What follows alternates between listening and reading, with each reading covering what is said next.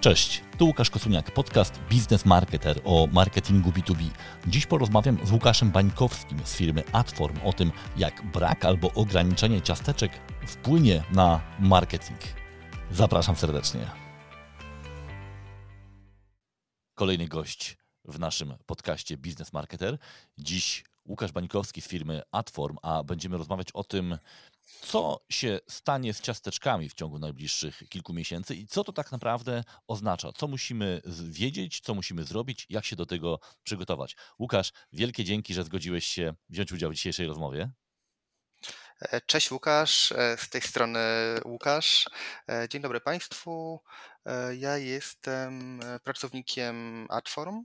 Adform jest firmą, która jest dostawcą technologii do nowoczesnego marketingu, nowoczesnego, czyli w dużej części opartego o działania w internecie. Przedstawiam się firmą, ponieważ, ponieważ pracuję tutaj niemal 6 lat, więc większość mojej drogi zawodowej. I, i tak, bardzo dziękuję do zaproszenia i do rozmowy o tym jakże ciekawym temacie dla, mam nadzieję, wszystkich, którzy prowadzą swoją e, komunikację w sieci, bo, e, bo, bo on dotknie bezsprzecznie e, większość organizacji, które, które właśnie w internecie działają. Zaraz o tym porozmawiamy. A powiedz jeszcze, Łukasz, dokładnie czym zajmuje się Adform? Jaka jest Wasza kompetencja? Dobrze, więc my tak od samego początku jesteśmy duńską firmą technologiczną, która dostarcza marketerom narzędzia do prowadzenia kampanii w sieci, e, spersonalizowanych kampanii głównie. E, I tak naprawdę mamy stack produktów, który składa się z takich trzech głównych części. Czyli po pierwsze to jest ad server, czyli, czyli takie narzędzie, w którym marketerzy budują schemat prowadzonych kampanii oraz je raportują. E, później nasz korowy produkt, szczególnie w Polsce, to jest e, DSP, czyli Demand Side Platform, i to jest platforma, która przy zakupie programatycznym, czyli tym modelu zakupu e, reklam w internecie, który oparty jest o aukcjach internetowych, służy właśnie za zakup mediów. No i o ile to, to były takie platformy, które przyszłościowo służyły właśnie do udziału w aukcji poprzez wystawianie maksymalnych stawek w, w bitowaniu właśnie w ramach aukcji o powierzchni online. Obecnie są obudowane wieloma algorytmami, które w kontekście konkretnych KPIs e, marketera optymalizują kampanię właśnie, o właśnie w celu osiągnięcia e, tych KPI-ów. No i tutaj właśnie w zależności od poziomu, e, na którym jest użytkownik na lejku, tudzież cylindrze, no to, no to mamy tam algorytmy optymalizujące pod jak najniższą stawkę kupionej odsłony, pod e, jak najniższą stawkę kupionego klika, jakość klika, koszt pozyskania użytkownika, e, czy koszt akwizycji, a finalnie pod zwrot z inwestycji. E, I, I ostatni z produktów to Data Management Platform czyli platforma, dzięki której użytkownicy, y, marketerzy mogą mm, zbierać dane o użytkownikach i wykorzystywać te dane w mediach, e, w kampaniach w mediach paid. No a, a to, co nas wyróżnia, to właśnie po pierwsze to, że mamy trzy narzędzia, a nie jedno, jak większość naszej konkurencji, a po drugie, że te narzędzia są ze sobą silnie zintegrowane, bo, bo wszystkie zbudowaliśmy wewnętrznymi siłami bez akwizycji na zewnątrz, więc to też takie z punktu widzenia workflow i przesyłu danych e, ma, ma, ma konkretne znaczenie dla marketerów. A ja, a, a może. Mhm. Mhm. Jasne, jasne. A to co może, to, e, długa wypowiedź na początku, ale może od razu to zamknę klamrą, a ja odpowiadam za rozwijanie E, nowych biznesów, e, czy, czy, czy nowego biznesu, czyli, czyli new business e, w Polsce. Czyli rozmawiasz z klientami o tym, jak zwiększyć ich tak, tak efektywność tak, tak, zakupów reklamy i efektywność generalnie działań reklamowych. I teraz Dokładnie widzicie, tak. moi drodzy, dlaczego rozmawiamy z Łukaszem, bo i Łukasz, i, i, i firma Adform bardzo intensywnie dotykają tego obszaru właśnie danych, które klienci po sobie pozostawiają. Na tej podstawie, tak jak wiele innych firm, też targetują reklamy, wybierają y, najlepsze modele dotarcia do klientów, ale ten świat y, się trochę zmienia i właśnie o tym chciałem Łukasz z Tobą e, porozmawiać, bo od jakiegoś czasu docierają do nas informacje o tym, że będą mówiąc kolokwialnie, problemy z ciasteczkami. To oczywiście z tymi plikami cookies, które y, użytkownicy różnych stron pozostawiają po sobie. Chciałbym, żebyśmy to uporządkowali. Y, powiedz proszę, y, ta zmiana nadchodzi, nadeszła, można powiedzieć, w części, których ciasteczek to dotyczy i co to tak naprawdę w, w praktyce oznacza? Czyli Y, jeśli możesz powiedzieć, kto będzie blokował te ciastka, y, które to będą ciastka, i, y, a potem sobie przejdziemy do, do rozmowy o tym, co my możemy z tym w praktyce zrobić i co to w praktyce oznacza dla marketerów. Fajnie. Zatem e, mamy, mm, upraszczając, mm, surfując po internecie dwa typy ciasteczek ciasteczka pierwsze i ciasteczka trzecie, czyli e, first party cookies i third party cookies. No i te ciasteczka pierwsze to są e, ciastka, które osadzane są przez właściciela strony e, z, z własnego serwera w przeglądarce, używając skrótu myślowego użytkownika. I to Czyli są jeżeli wchodzę na waszą stronę, to wy osadzacie tam w moim pliku tymczasowym przeglądarki, nawet nie tymczasowym, po prostu w pliku przeglądarki y, ciasteczko i jeżeli powiedzmy, że pojawi się drugi raz na tej stronie, to można powiedzieć, że wiecie, że to już nie jest pierwsza wizyta, na przykład, tak, w takim najbardziej trywialnym scenariuszu. Dokładnie i mhm. ty możesz robić to, to również i wielu marketerów może to, to robić także, natomiast e, te ciasteczka pierwsze wykorzystywane są nie tylko w reklamie, właśnie o tym mhm. warto wspomnieć, że one są wykorzystywane na przykład do personalizacji kontentu na stronie, czyli właśnie pamiętam, że dany e, użytkownik, e, tudzież cookie był na mojej stronie, no i, i serwuję mu spersonalizowane doświadczenie, żeby, e, żeby po pierwsze polepszyć mu doświadczenia z moją stroną. To jest też rozwiązanie, które na przykład w e-commerce'ach ma zastosowanie do zapamiętywania koszyka konkretnego użytkownika. Użytkownik mhm. wraca na stronę i ma cały czas rzeczy w koszyku koszyku. To jest też rozwiązanie, które na przykład wykorzystywane jest do zapamiętywania danych z logowania, czyli danych do logowania na stronie. Mhm. No i co warto. Mhm. Nie męczyć z, pod, z ponownym podawaniem tych danych, jeżeli oczywiście ktoś ma takie życzenie, tak? No bo Jeśli, można dokładnie, wszystko jest oparte, że, że oparte przynajmniej powinno być oparte o e, zgodę użytkownika. E, I co warto podkreślić w kontekście ciasteczek pierwszych, to to, że one z nami zostają. W sensie one nie znikają, bo mamy też drugi typ ciasteczek, czyli ciasteczka czyli, trzecie. Krótko, nie, nie znikną wraz z tymi zmianami, o których słyszymy, tak? Y, te zmiany nie, nie, nie znikną. Nie, nie dotyczą tych ciastek, ciasteczek pierwszych. Okay. Dokładnie. Ciasteczk, e, e, właśnie zmiany dotyczą ciasteczek trzecich, czyli tych, które, które e, my, ale nie tylko my, wiele firm technologicznych, czy, czy ad technologicznych, czy ad techów, czyli takich biznesów właśnie, które pracują, mm, które, czyli technologii działających w ramach reklamy internetowej, osadza na witrynach trzecich niejako w zamian e, za właścicieli stron. Mhm. Czyli, na przykład, ko, mhm. czyli na przykład e, kody Google, Google Analytics na Twojej stronie są ciastkami mhm. trzecimi, no bo są okay. osadzane z e, serwera Google na Twojej stronie. Ale mhm. także właśnie kody Adform e, na stronach mhm. naszych klientów. Dziś są w dużej części kodami trzecimi, natomiast to już trochę spoiler przed dalszą częścią dyskusji. Mamy już rozwiązanie, które które wykorzystuje ciasteczka pierwsze klientów w, w, w trackingu aktywności klientów. Ale e, wracając do poprzedniej myśli, no to właśnie mhm. te ciasteczka trzecie wykorzystywane w reklamie, przesyłane też między vendorami, czyli różnymi technologiami, e, co właśnie stanowi e, właśnie ryzyko, ryzyko związane z prywatnością użytkowników, one znikają. I okay. one... To jeszcze, jeśli mhm. można Łukasz, spróbujmy to tak bardzo dokładnie wytłumaczyć. Czyli jeżeli na przykład ja wchodzę na waszą stronę, zostawiam tam, e, znaczy wy zostawiacie u mnie e, na komputerze y, ciastko, to jest ciastko pierwsze. Teraz jeżeli na przykład y, kiedy, w, jakiej sytuacji to, to ciastko trzecie też wyląduje na mojej, na mojej stronie w takim modelu reklamowym? Powiedzmy, że wykupujecie reklamy jeszcze gdzieś tam. Gdybyśmy to na przykładzie pokazać, żebyśmy wytłumaczyli, jakby, jaka jest wartość tych ciasteczek trzecich, co, co z nimi się robi w tej chwili. Jasne, czyli e, z jednej strony lądujesz na stronie Adform, bo jesteś zainteresowany naszym produktem i my mhm. możemy zaserwować Ci ciasteczko pierwsze, czyli z naszego mhm. serwera, ale jednocześnie za chwilę e, czytasz artykuły na BBC powiedzmy. Mhm.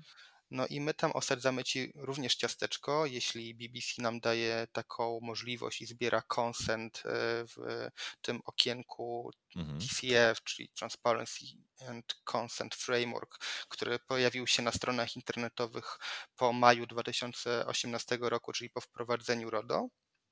Jeśli e, tam, a BBC daje nam, e, daje nam taką zgodę, taką zgodę otrzymujemy, to również osadzamy ci ciasteczko Mhm. I wtedy wiecie, e, że nie tylko byłem na waszej stronie, ale jeszcze czytałem jakiś artykuł na BBC, tak? Że czytasz właśnie artykuł na BBC i wtedy Aha, możemy mhm. na przykład za pomocą kampanii retargetingowej przypomnieć ci o produkcie lub kontencie, którym byłeś zainteresowany. Mhm, no i tak mhm. działa internet. W sensie to nie jest rocket science, tak, tak działamy tak, od tak. ponad dekady tak naprawdę. Mhm. E, w bardziej lub mniej zaawansowanych modelach, z większą lub mniejszą częstotliwością wyświetlania reklam w retargetingu lub targetowanych reklam. Retargeting jest oczywiście jednym ze scenariuszy wykorzystywania ciasteczek, bo, bo tych modeli wykorzystania czy opcji wykorzystania ciasteczek jest, jest mnóstwo, no bo to jest od samej góry lejka, czy tam od czasu planowania kampanii, czyli możliwość mierzenia zasięgu na podstawie ciasteczek, czy estymowania zasięgu kampanii poprzez ustawianie frequency cappingu, czyli tej częstotliwości mhm. kontaktu z reklamą pożądaną, jaką, e, jaką e, chcemy mieć w naszej kampanii, super ważną mhm. przy kampaniach zasięgowych, poprzez pomiar, e, pomiar kampanii, E, walidację kampanii w kontekście czy to antyfraudu. W sensie duża część narzędzi antyfraudowych. W sensie an, e, e, estymuje się, że w reklamie internetowej 10% trafiku to niepożądany ruch robotyczny czyli taki, który mhm. jest nieoznaczony jako ruch robotyczny, czyli e, ruch fraudowy. No i są czyli narzędzia oparte. Na, na, na, naciąga e, tych, którzy kupują reklamy, daje im nieprawdziwe kliki. My myślimy, że to ludzie klikali, a to klikały jakieś roboty, tak? Mówiąc krótko. No jest, jest, jest, jest kilka różnych scenariuszy fraudu. Mhm. To jest mhm. ogromny biznes, więc w kontekście ogromnego biznesu pojawiają się też nieuczciwi gracze. No, tak. no i duża część narzędzi antyfraudowych e, bazuje na przykład na cookiesach trzecich czyli takie dodatkowe mhm. mechanizmy walidacji i to też, i to też znika, więc e, bardzo okay. duża zmiana dla, e, dla bardzo dużej też gałęzi gospodarki gdzieś globalnie. Tak? No tak. E, znika, znika, czyli co tak naprawdę? Nie będzie można osadzać tych ciasteczek trzecich na moim komputerze? No i teraz to, to, to, mhm. to, znika powinienem doprecyzować, bo to już mhm. zniknęło na trzech przeglądarkach, czyli mhm. w 2018 roku jako pierwsza przeglądarka cookiesy mm, trzecie zablokowała defaultowo przeglądarka Safari, mhm. czyli Apple na Safari de facto i jakby nie wycięła wszystkich, ale defaultowo wyłączyła możliwość ustawiania cookiesów trzecich e, na, dla użytkownikom korzystającym z Safari, czyli no w domyśle praktycznie zabiła cookiesy trzecie na tej przeglądarce, no bo e, trudno sobie wyobrazić scenariusz, że, e, że większość użytkowników, czy jakby proaktywnie włączy cookiesy trzecie no. Tak, tak, naprawdę nie mając świadomości, e, jaka jest różnica między pierwszymi albo trzecimi, albo, no albo gdzie to się robi. jakiegoś większego interesu w tym, prawda? Chyba, dokładnie, że ktoś dokładnie, uzależnia, dokładnie. być może to cię zapytam za, za, za chwilę. Hmm. E, więc Safari było safari, pierwsze. Mhm. Tak, to był 2018, więc e, po, po, ponad 3 no lata temu. lata, prawda? No właśnie. Tak, akurat e, no, Safari nie jest najpopularniejszą przeglądarką świata. E, rok za Safari taką zmianę wprowadziła Mozilla i wtedy znaczy, no, Safari i Apple e, stara się pozycjonować jako w, w ramach tej walki, walki gigantów, jako ten gigant, który prywatność użytkowników bierze najbardziej na serio. No i to mhm. też jest pytanie w branży, czy ten ruch Safari z 2018 roku to była rzeczywista troska o prywatność użytkowników, czy próba odróżnienia się na przykład od Google, Facebooka, Amazona. Jakby, mm. jakby to możemy sobie spekulować, tak naprawdę e, tego do końca nie wiemy. Bardzo możliwe, że to była realizacja dwóch, mm, dwóch celów jednocześnie. Natomiast tak to, to się wydarzyło. Mhm. Jeśli mogę Cię dopytać, czy razem z tym ruchem e, typu nie osadzamy, nie pozwalamy na osadzanie plików ciasteczek trzecich na przeglądarkach e, Safari, czy w jakiś sposób rozbudowało Apple swoją e, ofertę reklamową, na przykład w sklepie i tak dalej? Tak na poziomie faktów, nie na poziomie spekulacji, tylko czy pojawiły tak. się nowe produkty w tym czasie ze strony Apple? Na poziomie faktów rzeczywiście pojawiły się, tak? Czyli teraz, mhm. teraz Apple wchodzi w biznes reklamowy w ramach App Marketplace'u. Mhm. Więc to jest trochę dwugłos. Okay. Z jednej strony, z jednej strony ograniczyli konkurencję, z drugiej strony wprowadzili swoje produkty. Czy to jest przypadek no, pewnie nie ma przypadku, w sensie, w sensie ta organizacja potrafi świetnie liczyć i świetnie marżować, Oczywiście. więc pewnie nie jest to przypadek, a rzeczywiście ta część reklamowa i biznes reklamowy był tym i jest cały czas tym, co w Apple'u e, nieco kuleje w kontekście na przykład Google'a czy Facebooka czy Amazona.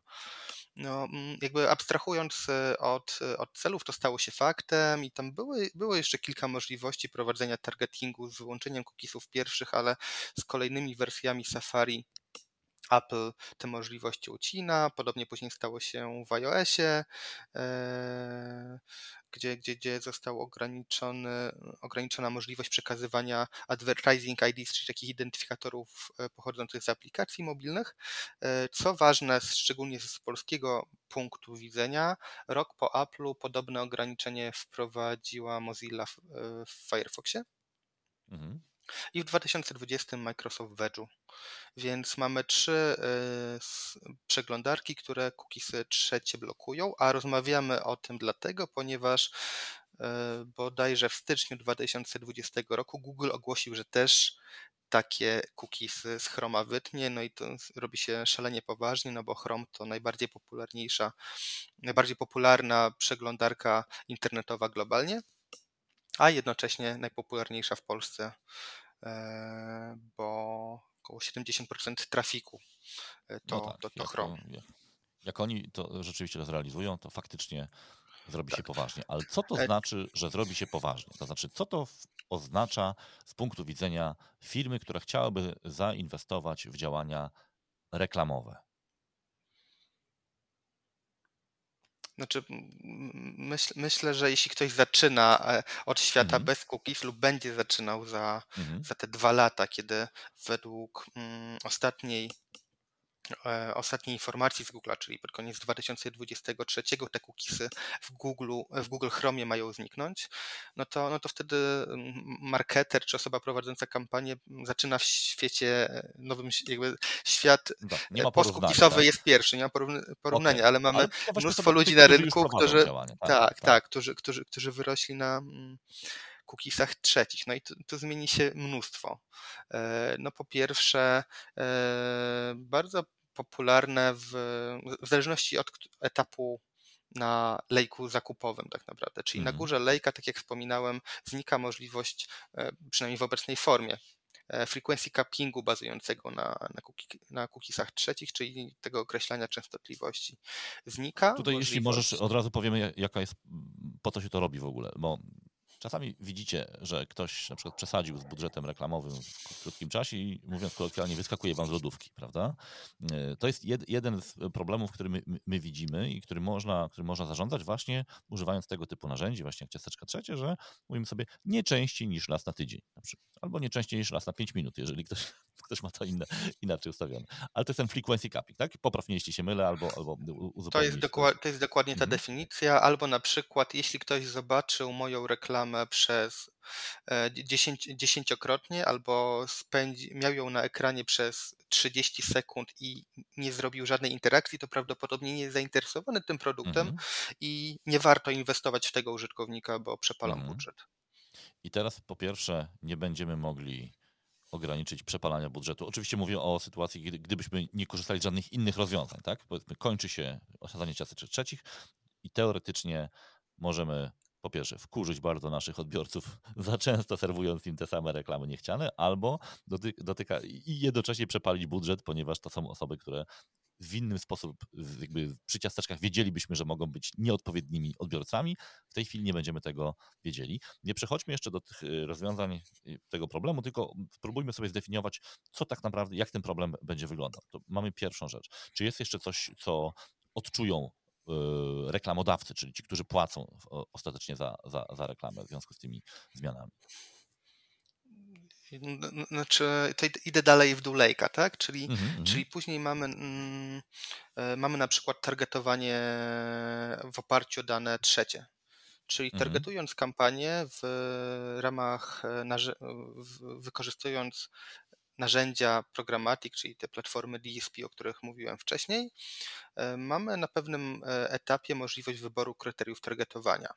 No i w ramach kryteriów targetowania mamy do dyspozycji dane trzecie, czyli dane, które są dostarczane albo przez Google, albo przez dostawców danych, e, właśnie jako narzędzia do targetowania mojej kampanii.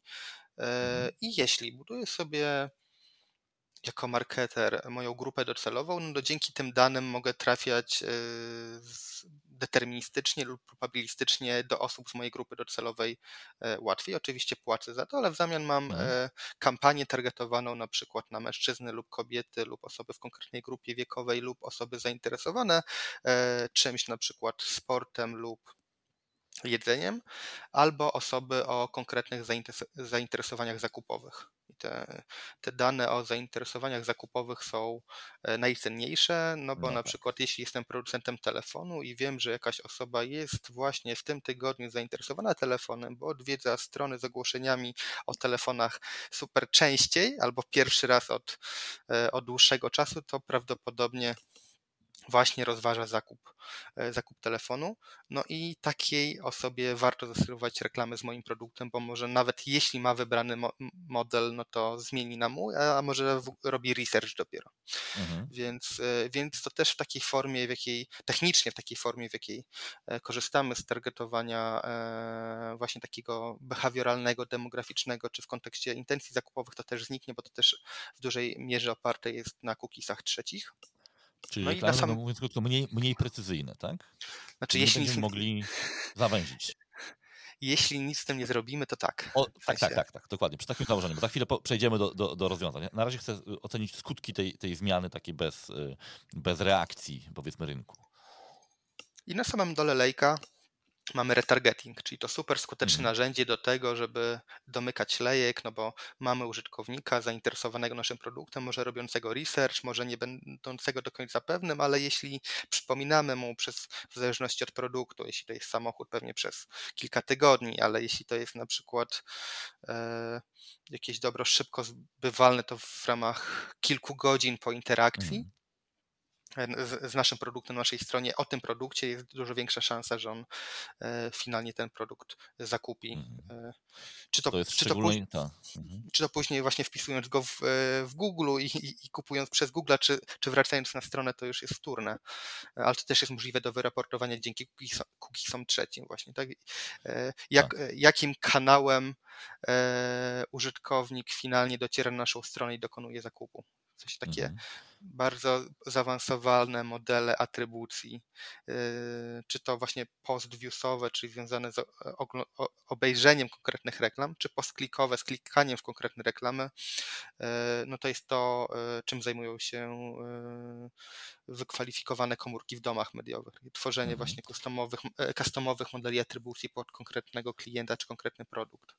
Atrybucja, czyli przypisanie jakiegoś kanału do sukcesu, mówiąc krótko, tak? Czyli klient na koniec wie na przykład, że e, w, mimo, że klient korzysta z kilku kanałów, to jednak kluczowe były na przykład te dwa, czyli powiedzmy jakieś tam displaye e, gdzieś tam. Ja wspomnę tylko, że w B2B retargeting jest bardzo skutecznym narzędziem i też bardzo jego re rekomenduję, ponieważ mamy długie procesy zakupowe. W związku z tym, jeżeli ktoś myśli o rozwiązaniu i decyduje przez kilka miesięcy, to tutaj już nie mamy, to, to ten retargeting może być naprawdę rozciągnięty na długi dłuższy, dużo dłuższy okres i dzięki temu stosunkowo niewielkimi budżetami możemy naprawdę precyzyjnie docierać i podgrzewać sobie te lidy, już nie tylko budować jakby ten lejek, ale też go jakby utrzymywać. No a mówisz nam, że to może zniknąć, y, więc rzeczywiście warto jest posłuchać, co, mm, jak rynek reaguje, to znaczy jakie są rozwiązania tych, y, tych sytuacji. No z y, punktu Czy widzenia, coś, powinniśmy wiedzieć, tak? Zanim myślę, że z punktu rozwiązań? widzenia mhm. e, marketingu B2B, a także atrybucji, o której przed chwilą e, wspominaliśmy, no na przykład e, trakowanie różnych aktywności użytkownika, tak? czyli trakowanie w jednym miejscu użytkownika, aktywności użytkownika z naszym brandem, czyli na przykład kampania display, o której wspominałeś, mhm. kampania w mhm. mediach społecznościowych, kampania w searchu i e-mailing. No mhm. i jakby możliwość trackingu tych wszystkich kanałów w jednym miejscu to też ciasteczka trzecie. No właśnie. I teraz mówisz nam, że to wszystko może zniknąć. To zła informacja. To powiedzmy sobie w takim razie, jak żyć, co można z tym zrobić, jak, jak przygotowują się e, takie firmy jak właśnie Adform chociażby, jeśli chodzi o produkty? I jakie e, metody, taktyki powinni przyjąć też sami reklamodawcy, żeby no, nie stracić tych możliwości, a jednocześnie no, pozostać w, w grze. Dobrze, to następ, następie e, może Państwa rozczaruje, może nie, ale powiem, że nie ma jednej drogi i na dzisiaj mhm. nie ma jeszcze prostej odpowiedzi. E. To, jest, e, to jest na pewno szalone wyzwanie dla całej branży, także dla, dla organizacji takich jak, jak moja firma, jak firma, w której pracuję, bo, bo duża część naszego biznesu jest oparta o, o trzecie. Natomiast pocieszające jest to, że są rozwiązania, które już dziś potrafią na, przy pewnych scenariuszach skutecznie zastępować cookiesy trzecie. No mhm. i my na przykład jako Adform zaczęliśmy pierwsze prace nad e, narzędziami, które zastąpią cookiesy trzecie już w 2018 roku. Jest to trochę związane też e, z rynkami, na których e, działamy i na których jesteśmy najbardziej widoczni, czy to są głównie kraje skandynawskie, kraje Europy Zachodniej, gdzie ten odsetek użytkowników, którzy korzystają z Safari jest dużo wyższy niż w Polsce. Więc dla nas ten 2018 i Safari, które zaczęło blokować cookiesy, to już wtedy były widoczne, dla nas i dla naszych klientów de facto, to były widoczne straty w, e, w zasięgach, a także straty e, i ograniczenie możliwości do docierania tego, przynajmniej w domyśle, użytkownika trochę bardziej premium. Więc my już wtedy zaczęliśmy pracę nad rozwiązaniami dla świata bez cookiesów, czy jak to nazywamy, świata cookieless. E, no i teraz e, są takie e, trzy obszary, w które inwestujemy. One będą działać komplementarnie, kiedy, kiedy znaczy już działają na Safari i Mozilla komplementarnie i będą działać też komplementarnie na Chromie. No i e, pierwsze narzędzie, w które inwestujemy jako organizacja, ale też nie, nie tylko nasza, organizacje takie e, jak, jak nasza także, to są dane kontekstowe. E, czyli trochę powrót do przeszłości, ale z też, też z zaangażowaniem technologii i e, serwowanie reklam w kontekście kontekstu stron e, czy sentymentu stron, które aktualnie przegląda użytkownik. I to jest takie najprostsze rozwiązanie, e, proste też do testowania i z naszych obserwacji wynika, że jest to szansa na to, żeby zastąpić cookiesy przy kampaniach na górze lejka. Mhm. E, Powiedz, oczywiście, jak to oczywiście. wygląda. Mhm. Czyli jeżeli nie wiem, wchodzę na stronę, załóżmy tego właśnie BBC i do, tam jest pewnie jakaś część motoryzacyjna na przykład, tak? Oglądam sobie, załóżmy, nie wiem, test nowego, a co tam, McLarena na przykład, tak? To, to, to co wy możecie zrobić z taką, jak, jak wtedy reklama się zachowuje, co ona bierze pod uwagę? Znaczy, mm, ty masz możliwość E, wyklikania w platformie, żeby Twoja reklama emitowała się na stronach motoryzacyjnych i możesz mhm. sprawdzić, jak wygląda performance tej kampanii na stronach motoryzacyjnych versus performance kampanii emitowanych bez takiego targetowania, no okay. i zazwyczaj on wychodzi wyżej. No ale to jest okay. takie najprostsze rozwiązanie, czyli strona mhm. motoryzacyjna dla brandu motoryzacyjnego. No ale e, na rynku danych kontekstowych, czyli właśnie tych danych o mhm, kontekście mm -hmm. stron, pojawiają się gracze, którzy wykorzystują zaawansowane algorytmy do tego, żeby oceniać sentyment takich stron. Czyli najprostszy. Sentyment, czyli ładunek emocjonalny, mówiąc krótko. Dokładnie, tak? tak dokładnie, dokładnie. I to też jest ważne z punktu widzenia i performance'u kampanii, i bezpieczeństwa mhm. marki, bo jeśli mhm. jesteśmy właśnie przy, tej, e, przy kliencie motoryzacyjnym, to ważne jest na przykład to, żeby ta reklama pojawiała się w kontekście motoryzacyjnym, ale nie w kontekście wypadków. Na przykład, dokładnie. Na przykład, tak. no bo mm. to, e, pojawienie się reklamy brandu motoryzacyjnego przy wypadku, e, no nie jest, po pierwsze na mhm. pewno nie zachęca do, do zakupu, a po drugie nie robi też dobrze no tak. marce, bo gdzieś podświadomie czytelnik może połączyć artykuł z brandem. Jasne. Oczywiście można sobie wyobrazić sytuację, kiedy ktoś ma interes w tym, żeby się pojawić w takim negatywnym kontekście, na przykład będąc, nie wiem, firmą, która się zajmuje odszkodowaniami. Załóżmy, I to, tak? też, i to, też możemy zrobić. I to też... I to też te, tak. e, mechanizmem Dokładnie. Mhm. No, y, Czyli y, odnosimy się tak naprawdę do treści y, strony, ale dużo lepiej zrozumiałej, ponieważ algorytmy rozumieją nie tylko o czym jest ta strona, o czym jest ten artykuł, ale też jaki jest jego wydźwięk, czy on jest naturalny, negatywny, pozytywny, pewnie tam tych odcieni jest kilka. Jest ich więcej, dokładnie, ale, mhm. ale, ale tak to mniej więcej wygląda. I to, jest, i, to, I to jest e, pierwszy scenariusz dla przyszłości e, i on jest najprostszy w realizacji, on jest tu i teraz, natomiast on e, zapewni jakby wsparcie tylko części funkcjonalności, które, które działają obecnie na cookiesach trzecich, czyli tak naprawdę targetowanie na górze lejka i to też nie w mhm. każdym mhm. scenariuszu. Chociaż no, ja widzę takie ruchy, w których próbuje się przewidywać demografię w kontekście Zawsze się to zresztą robiło, czyli przewidywanie e, demografii w kontekście e, kontekstu czytanych stron. To też, mhm. też czyli dokładnie można młodszego zrobić. użytkownika będzie interesował troszkę inny raczej, gry, raczej tematu, ra, nie, tak? nie, nie, nie, chcę wpadać w stereotypy, bo to też grozi właśnie no. e, tym właśnie stronniczością algorytmów, mm, o której mm. wiele się mówi, natomiast e, rzeczywiście e, gaming, e, młodsze pokolenie, a nie wiem, proza trochę starsze, tak? No tak, no e, tak, no tak. Strzelam. E, drugie, drugie podejście, takie, takie, takie bardzo duże, o którym dyskutuje się mnóstwo w naszej branży, to jest Privacy Sandbox. I to jest rozwiązanie, które jest lobowane, czy już wprowadzane przez Google w Chromie. Jest to podejście, w ramach którego e, przeglądarka będzie łączyła użytkowników w grupy, w tak zwane kohorty i wystawiała je e, narzędziom takim jak my, czy takim jak Google, do targetowania. Czyli e, w domyśle ma to być narzędzie, które będzie przyjazne prywatności użytkowników, bo nie będzie mhm. dawało możliwości targetowania konkretnych użytkowników, jako takich, tylko grupy mhm. tych użytkowników połączonych jakimiś wspólnymi cechami. Mhm. E, więc, e, więc to jest pomysł Google'a, jeden z pomysłów Google'a, w jaki mhm. sposób ciasteczka trzecie e, zamienią się w kohorty w Chromie. I to jest projekt, który jest w developmencie. On jest możliwy do testów na kilku rynkach, natomiast na dziś nie jest możliwy do testowania w Europie bo mhm. istnieje duże podejrzenie, że, że jest w kolizji z RODO. Okay, czy nawet nie wiemy, czy on w ogóle wejdzie do Europy, bo jeszcze nie ma. Nie znaczy, ma znaczy, znaczy, nie, znaczy, jeśli wejdzie na całym świecie, to nie wyobrażam mhm. sobie, żeby nie wszedł do Europy, mhm. bo to jest taki bar, bardzo poważny projekt w Google. Natomiast, natomiast na dziś, w tej, w tej wersji e, cohort, która jest możliwa do testów, na przykład my testujemy go poza Europą. Okay. E, no i Google chwali się liczbami z testów, które pokazują skuteczność tego rozwiązania.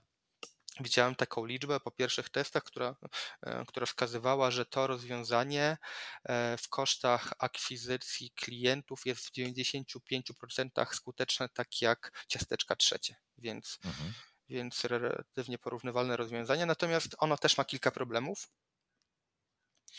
E, po pierwsze jest tworzone przez monopolistę w branży, czyli jest tworzone przez Google, który jest jednocześnie właścicielem przeglądarki, jak i największego ekosystemu do serwowania reklam, mhm. reklam na świecie. Więc e, pytanie, na ile transparentnie będzie dzielił się wiedzą z kohort z mniejszymi graczami, którzy także działają w tym ekosystemie. E, tych wyzwań jest wiele, mm, związane także z prywatnością użytkowników, właśnie z tą, z tą kolizją z RODO, przynajmniej na teraz, no bo no bo, no bo mimo, że platformy techowe dostają kohorty i, i grupy użytkowników, to gdzieś na początku to jednak indywidualny user jest profilowany. E, no i, takim głównym problemem, który, e, który ja widzę, to jest to, że pozostałe przeglądarki nie pałają optymizmem do wdrożenia, e, wdrożenia tego rozwiązania. Czyli jest możliwe, że skończymy w świecie, w którym kohorty rzeczywiście będą istnieć, ale będą istniały tylko na Chromie, a prowadzenie kampanii na Mozilla, Safari, mhm. Edge'u, mhm. Operze będzie wymagało innych narzędzi. No tak. czy jest też taka, taki scenariusz możliwy, że każdy dostawca większy przeglądarek będzie miał swój model budowania tych kohort i, i będą z sobą nie wiem, konkurowały albo będą się oznaczały bardzo różną jakością. No bo wiadomo, że Google ma miliardy y, tych, tych rekordów. Powiedzmy, że Microsoft ma pewnie pojedyncze miliardy, a ktoś jeszcze inny będzie miał miliony na przykład. Tak? Czy, czy, czy jest taki scenariusz przewidywany? Wiesz co, wydaje mi się, że nie każdej przeglądarce zależy na tym, żeby wspierać biznes reklamowy tak bardzo jak Google'owi mimo wszystko. Mm -hmm, No tak, Natomiast... bo to jest model rzeczywiście tak, połączony z biznesem reklamowym. Natomiast, y, natomiast um, Google pracuje nad, nad właśnie Privacy Sandboxem, w ramach którego jest kilka, jest kilka modeli budowania kohort, w mhm. zależności też od celu kampanii jako nad przyszłym standardem, który może być wprowadzony na poziomie W3C, czyli takiej grupy zrzeszającej producentów wszystkich przeglądarek, barujących sobie globalnie na temat przyszłości e, mhm. światowej sieci. Natomiast, grupa no, trzymająca władzę. Tak? tak, grupa trzymająca władzę nad przeglądarkami, natomiast e, no, tak jak wspomniałem, z takich przecieków e, w mediach branżowych, które do mnie dociera, docierają, wynika, że, że ani Mozilla, ani Safari nie pałają optymizmem Mhm, e, mhm. E, do, do tego pomysłu.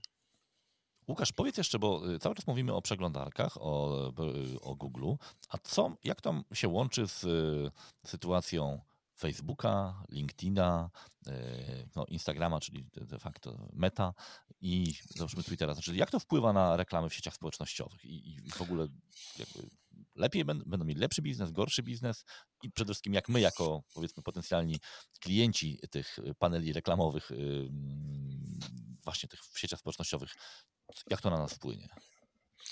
Dobra, a to może jeszcze o trzecim podejściu, dobrze? I jakby okay, zamkniemy te, te podejścia jasne, klamrą dobra. i później mm -hmm, wrócimy, dobra, wrócimy do dobra. sieci społecznościowych, bo to jest super ciekawy wątek. Mm -hmm. więc, więc mamy drugie podejście, to związane właśnie z Privacy Sandboxem i mamy też trzecie związane z First Party IDs, czyli, czyli z e, ciasteczkami pierwszymi, o których -hmm. rozmawialiśmy na początku, osadzanych z mojej własnej domeny, e, z mojego własnego serwera na mojej własnej domenie, które mhm. zostają z nami bo są wykorzystywane dziś nie do reklamy, ale mogą być wykorzystywane także w reklamie.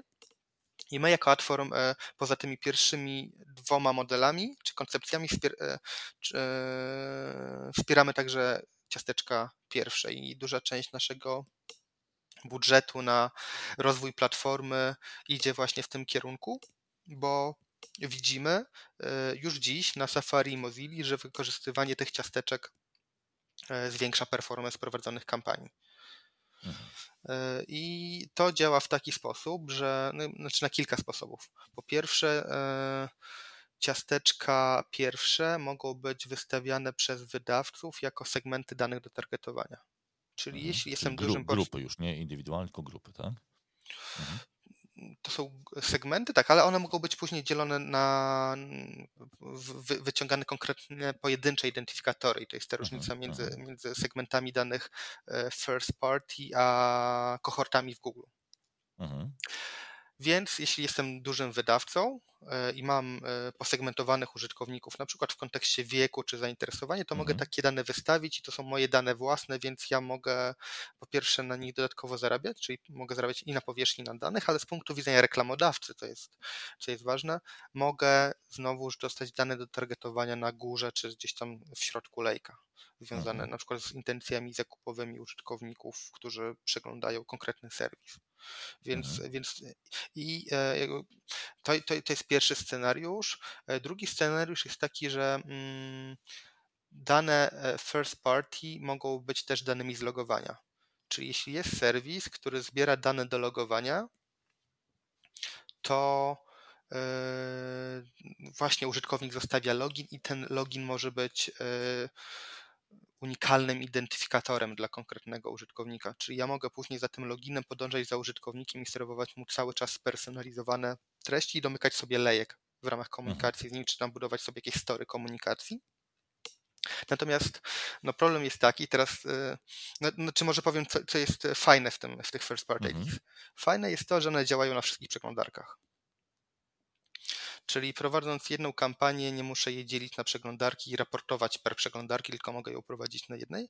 Natomiast no minus jest taki, że one nie są tak rozpowszechnione jeszcze jak cookiesy trzecie. Natomiast ich popularność rośnie i szczególnie po stronie wydawców widzimy, że ponad 50% stop tysiąca domen w Polsce na przykład już takimi mhm. first party IDs się z nami dzieli. Natomiast, no tak, bo to jest w ich też interesie, prawda? Nawet takim bezpośrednim Oczywiście. Finansowym. Oczywiście, ale to też jest ciekawy wątek właśnie z World Gardens i globalnymi sieciami społecznościowymi. E, jak to działa? Do tego za chwilę wrócimy. Mhm. Natomiast e, dużym wyzwaniem przy ciasteczkach pierwszych jest łączenie tych identyfikatorów między domenami. Czyli określenie, że ja na BBC i ja na CNN to cały czas ja. Z ciasteczkami trzeci, trzecimi to mhm. jest proste, z ciasteczkami pierwszymi to wymaga albo loginów, albo mhm. probabilistyki. Mhm. Więc Jakoś platformy trzeba ocenić w przybliżeniu, że to może być ta sama osoba, skoro tak Dokładnie. się zachowuje i gdzieś tam. Dokładnie. Okay. Mhm. Czy to po adresie IP, czy po czy, czy, czy, czy po jakichś danych z przeglądarki. No tak, mamy kilka urządzeń. Y, Dokładnie. Gdzieś tam to może być kilka adresów IP tak naprawdę. Czytam, czy, okay. czy, mhm. Czytamy mhm. podobne URL-e do, y, no tak. na różnych urządzeniach e, w różnej porze dnia i to jest probabilistyka, tylko, probabilistyka, tylko no właśnie wchodzimy właśnie w data science i probabilistykę i tutaj platformy ścigają się w, między innymi na tym polu, kto zrobi lepsze algorytmy do meczowania użytkowników między domenami. E, no więc jakby tak spinając klamrą, to są te trzy scenariusze. Kontekst, yes. Privacy Sandbox i First Party IDs. Wszystkie mhm. są ciekawe. Uważamy, że przyszłość będzie polegała na prowadzeniu kampanii na tych wszystkich trzech narzędziach jednocześnie. No tak. Stety, Trzeba niestety. platformę, która to będzie spinała, tak? Na przykład Dokładnie. taką, jak, jaką, jaką wy, wy, wy serwujecie i ona też będzie uczyła pewnie. Wy też jako organizacja, czy tego typu firmy też będą się uczyły tego, e, robić to coraz bardziej e, precyzyjnie. E, to co? Teraz przejdziemy do sieci społecznościowych. Co tam, co tam u nich? Spankrutuje Facebook przez to, czy, czy nie? Czy, no właśnie prognozuje się, prognozuje się, że chyba wręcz przeciwnie. Mm, znaczy, że wręcz przeciwnie, bo e, to jest e, zmiana, która sprzyja wielkim graczom. W sensie to jest kolejna zmiana porodo, która sprzyja wielkim, a utrudnia wejście na rynek e, mniejszym. Bo, no patrz, jaki przypadek, no, rzeczywiście. Bo na przykład Google ma mnóstwo danych z logowania. Dane z Gmaila, no tak. dane z YouTube'a, e, dane z Chroma. serwisy, w sensie, które serwują. Tak, jakby tak, korzystanie z Chroma wymaga logowania, więc dane z mhm. logowania powodują, że mamy matching identyfikatorów i mm. możemy podążać za użytkownikiem. Facebook podobnie. E, dane na Facebooku, dane z logowania. Tylko to, czego nie zrobi Facebook, a robił do tej pory, przynajmniej nie, nie na takiej skali w takim prawdopodobieństwie, to, e, to profilowanie użytkowników Facebooka poza Facebookiem. Facebook to mhm. całkiem przyjemnie robił lata temu przez widgety, później przez dodatkowe kody na stronach wydawców, a teraz z, z ciasteczkami trzecimi będzie musiał to robić w inny sposób. Natomiast cały czas mhm. będzie w stanie bardzo dokładnie targetować użytkowników na Facebooku czy na Instagramie. Mhm. A powiedz, no, trzeba będzie zmienić y, pixel Facebooka na stronach już od strony mnie jako um, reklamodawcy, powiedzmy. To będzie inna technologia, czy to w ramach tego samego piksela oni sobie z tym poradzą? Wiesz co, nie wiem tego, szczerze mówiąc. Okay. Wcześnie jeszcze, no. Wydaje mi się, że już nie, że oni jakby jak rozmawiam e, z moimi partnerami, którzy pracują z Facebookiem blisko, to Facebook już opowiada, ma historię w jaki sposób zmieni się pixel Facebooka, e, ale, ale ja nie, nie, czuję się super kompetentny, żeby o tym opowiadać. Jasne, jasne. Ale na pewno w jakiejś formie z nami zostanie ten pixel, tak? No bo oni bardzo będzie zależało, żeby Bardzo będzie im zależało, żeby mhm. było, no bo to jest też mnóstwo wiedzy właśnie do optymalizacji mm. kampanii na Facebooku. Więc jakby long story short prognozuje się, że jeśli niezależni wydawcy nic nie zrobią, no to duże sieci społecznościowe będą zagarniały coraz większą część tortu reklamowego. Mm. Mhm. Jakby cała branża reklamy online rośnie, ale najszybciej rosną World Gardens tak naprawdę. No i to jest też duże zagrożenie na przykład do, dla niezależnego dziennikarstwa. No tak, bo e, możliwość zmonetyzowania wtedy takiego ruchu będzie coraz mniejsza, bo nie, nie będziesz mógł zaserwować tak jakościowych danych, jak robią to robią to mm, platformy. E, a powiedz, e, właśnie a propos, bardzo mnie zainteresowało to, co powiedziałeś o, o, o wydawcach, o, czyli krótko mówiąc o podmiotach, które tworzą treści, niekoniecznie marketingowe, tworzą treści, które w jakiś tam sposób monetyzują. Czy ich rola właśnie, czy oni będą w trochę lepszej sytuacji, będą mogli lepiej monetyzować swój ruch, czy będą lepszym partnerem na przykład dla takich firm jak wy? Jak, jak się zmieni ich sytuacja? Jak przewidujesz to przynajmniej? Weźmy znaczy, sobie jakiś, nawet nie, może tak. nie BBC koniecznie, ale takiego, nie wiem, jakiś portal regionalny nawet, tak? Mhm. Typu, no więc... Wieś, Mazowsza, chyba takiego nie ma. Tak, tak jak wspominałem, wielcy gracze będą mieli łatwiej. Na przykład taka... Mhm wirtualna Polska, jeśli jesteśmy na polskim poletku, posiada mhm. dane zlogowania, posiada własną pocztę. Już ma swoje serwisy, tak? Mhm. Ma swoje serwisy, ma, ale ma, ma, ma, też dane zlogowania dzięki poczcie, mhm. więc, serwisów, tak. e, więc ma taki punkt styku, dzięki któremu może łączyć identyfikatory między różnymi e, domenami i prowadzić taką spersonalizowaną kampanię w ramach olbrzymiego zasięgu, jaki posiada w Polsce więc, e, więc, e, więc duzi gracze e, wydają się być na, na dobrej pozycji. Mhm. Oczywiście, oczywiście zmieniają technologie wewnątrz i, i, to też są projekty rozwojowe, ale, ale w kontekście dużych wydaje się, że tu wiele się nie zmieni albo się zmieni, ale, ale nie na niekorzyść dużych mhm. wydawców. Natomiast rzeczywiście jest zagrożenie dla mniejszych graczy. Mhm. Bo, bo jest szczególnie mniejsi wydawcy z takim nie super unikalnym kontentem będą mieć problem na przykład do zmotywowania użytkownika do tego, żeby zostawił im login. No tak. E, który może służyć. Trzeba coś później... za to zaoferować. Mhm. Tak, więc to jest kwestia wymiany wartości. Mhm. Ale, ale, to też to już warto dzisiaj się nad tym zastanawiać, jeśli jestem no, e, niekoniecznie dużym wydawcą, ale wydawcą z unikalną grupą użytkowników, jakie, jaką wymianę wartości zaproponować, mhm. żeby taki, e, taki login e, otrzymać w zamian.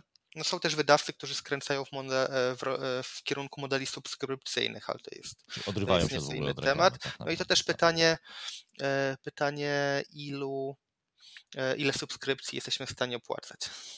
No tak, no tak. Jako, my jako, my jako, jako Polacy. odbiorcy tych subskrypcji już, tak. tak, tak. tak Pewnie tak. znowu się pojawią jacyś pośrednicy, którzy będą tym zarządzać, jak znam życie. I, i będą nie... pakiety, pakiety, prawda? Dokładnie. A, a powiedz jeszcze, wejdźmy teraz w perspektywę, bo trochę już się zbliżamy do, do, do końca, ale mnie bardzo interesuje y, ta sytuacja pod kątem firm, które inwestują w tej chwili w content marketing. Czyli na przykład mamy małe, średnie firmy, nie wydawców, chociaż oni stają się wydawcami, tworząc y, content, można powiedzieć.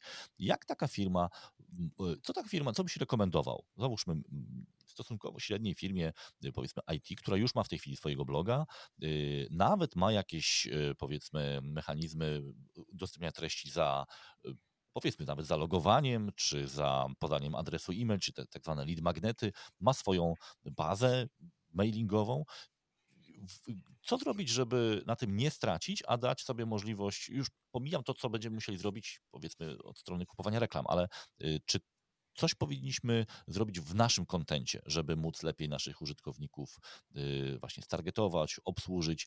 Co warto zrobić już w tej chwili? Jak i Twoim zdaniem? Wiesz co, wydaje mi się, że e, znowuż nie jestem e, ekspertem od content mhm, marketingu, mm -hmm, więc, mm -hmm. więc postaram się to ugryźć właśnie od tej mojej adtechowej części. Wydaje mm -hmm. mi mhm. się, że jeśli jest reklamodawca, który tworzy treści i zbiera jeszcze dodatkowo loginy użytkowników, którzy chcą czytać te treści, to, to on jest w dobrym miejscu.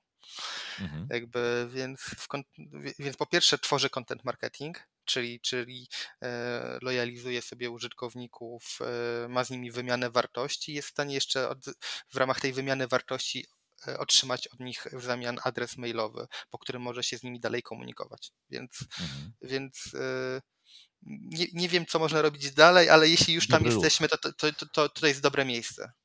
Trochę warto, znaczy tak e, zastanawiałem się, czy to nie ma jakiejś pułapki takiej właśnie te, te, od strony technicznej, ale e, ja od jakiegoś czasu już właśnie mam sporo takich rozmów, gdzie e, wychodzi na to właśnie, że to, co było takim trochę zaniedbaniem wielu firm, czyli właśnie brak tej budowania tej, tej bazy, bo nie wiem z jakiego powodu, ale utarła się takie przekonanie, że e-mail to już jest taka stara technologia, że w ogóle nie ma co w to inwestować, że teraz sieci społecznościowe i tak dalej. I teraz widzicie to, co, jak bardzo potwierdza się to, to takie powiedzenie y, nie buduj domu na nie swojej ziemi, prawda? Czyli jeżeli my nie zaczniemy tworzyć swoich własnych przyczółków, takich właśnie mechanizmów pozyskiwania danych, profilowania, to co powiedziałeś też, y, no, y, działań brandingowych, no bo ci ludzie ludzie po prostu chcą z jakiegoś powodu y, na te nasze strony wchodzić, y, szanują ten content czy tą ofertę, którą im prezentujemy, to będziemy coraz bardziej zależni od no, jednak zmieniających się mechanizmów, no bo do tej pory ciasteczka były, teraz będą, ale, ale inaczej.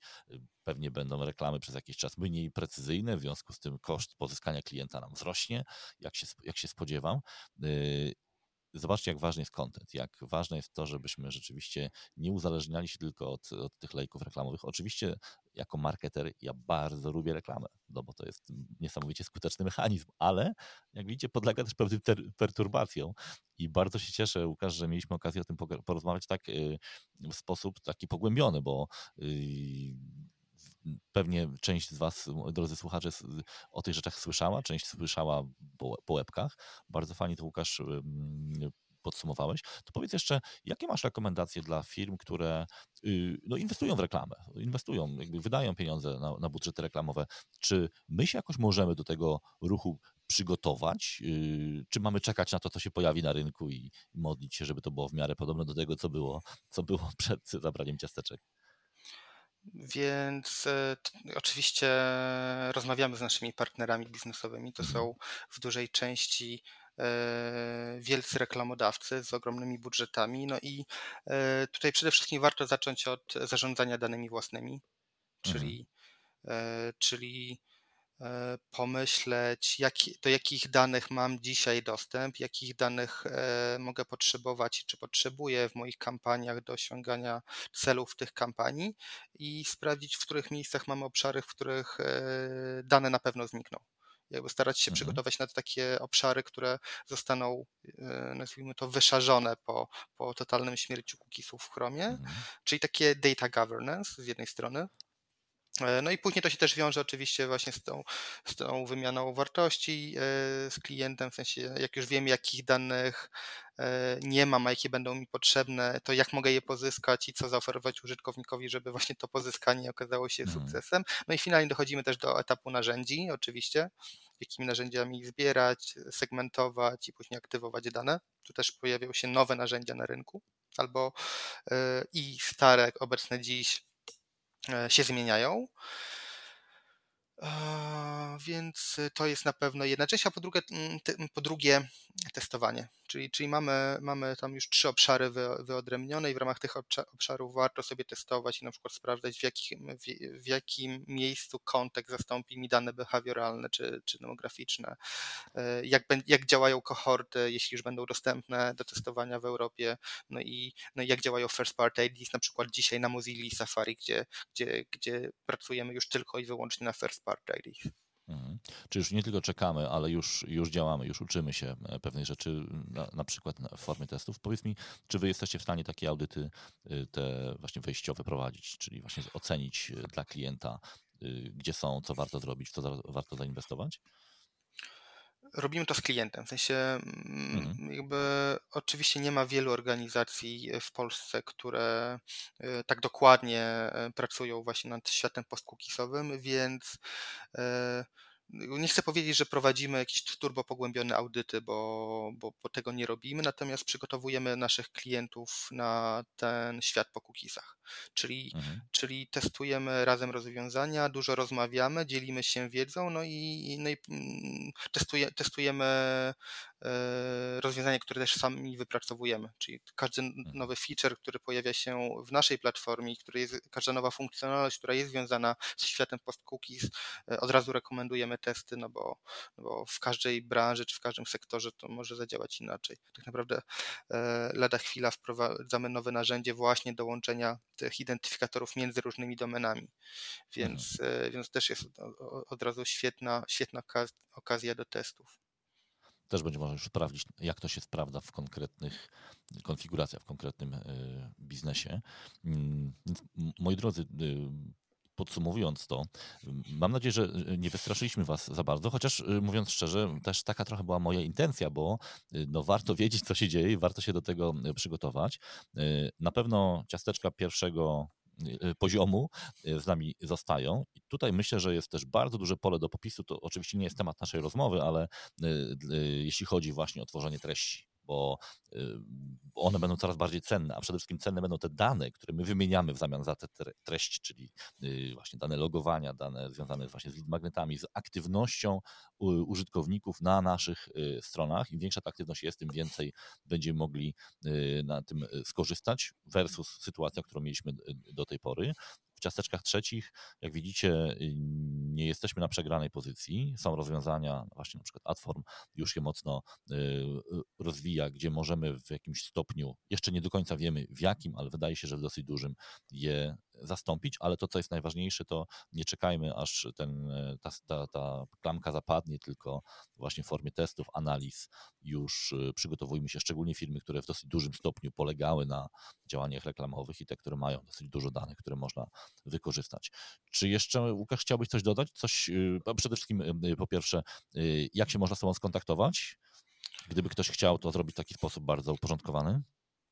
Bardzo podpisuję się pod twoim, e, pod twoim podsumowaniem. Rzeczywiście warto zacząć działać już teraz i część e, czasu na, na, na, na innowacje E, przeznaczyć właśnie na, na te testy e, rozwiązań post-cookisowych. Jeśli chodzi o możliwość kontaktu ze mną, to wydaje mi się, że najłatwiej będzie przez LinkedIn. E, Łukasz I oczywiście podlinkujemy. Mhm. Ja Łukasz jestem, tak. Mhm. Ja jestem aktywny na, na LinkedInie, więc zapraszam do kontaktu i do pociągnięcia tej rozmowy na, na kolach czy, czy, czy na wiadomościach LinkedInowych. W tak, opisie tak. E, umieścimy link bezpośredni, żebyście nie musieli korzystać z wyszukiwarki. Także jeżeli używacie w aplikacji, to tam zawsze jest ten show notes i wtedy możecie sobie zajrzeć. Tam e, będzie link do, do, do, do Łukasza. Mm, Łukasz, bardzo Ci dziękuję za e, Twój czas i, i, i Twoją wiedzę. A do Was, moi drodzy, apel, y, propozycja, nie czekajcie. Y, Łukasz trochę uporządkował, bardzo się cieszę, że ta, ten, ten obszar mamy trochę bardziej uporządkowany, y, ale zdecydowanie warto jest zadbać o własny content i warto jest zadbać o to, żeby przetestować te wszystkie rozwiązania, które e, już w tej chwili wchodzą i mają zastąpić ten świat posługizowy, żeby generalnie nie mieć jakiegoś wielkiego dołka pomiędzy e, w momencie, kiedy już naprawdę te ciasteczka trzecie przestaną tak działać, jak do tej pory funkcjonowały. Wielkie dzięki Łukasz, a Was już zapraszam na kolejne odcinki podcastu Business Marketer. Ja również bardzo dziękuję i pozdrawiam. I to wszystko w dzisiejszym odcinku. Tradycyjnie, jeżeli te treści podobają Ci się, koniecznie zostaw nam gwiazdkę albo ocenę w swojej ulubionej aplikacji podcastowej. A ja już dziś zapraszam Cię na kolejne odcinki podcastu Biznes Marketer. Pozdrawiam serdecznie, Łukasz Kosumiak.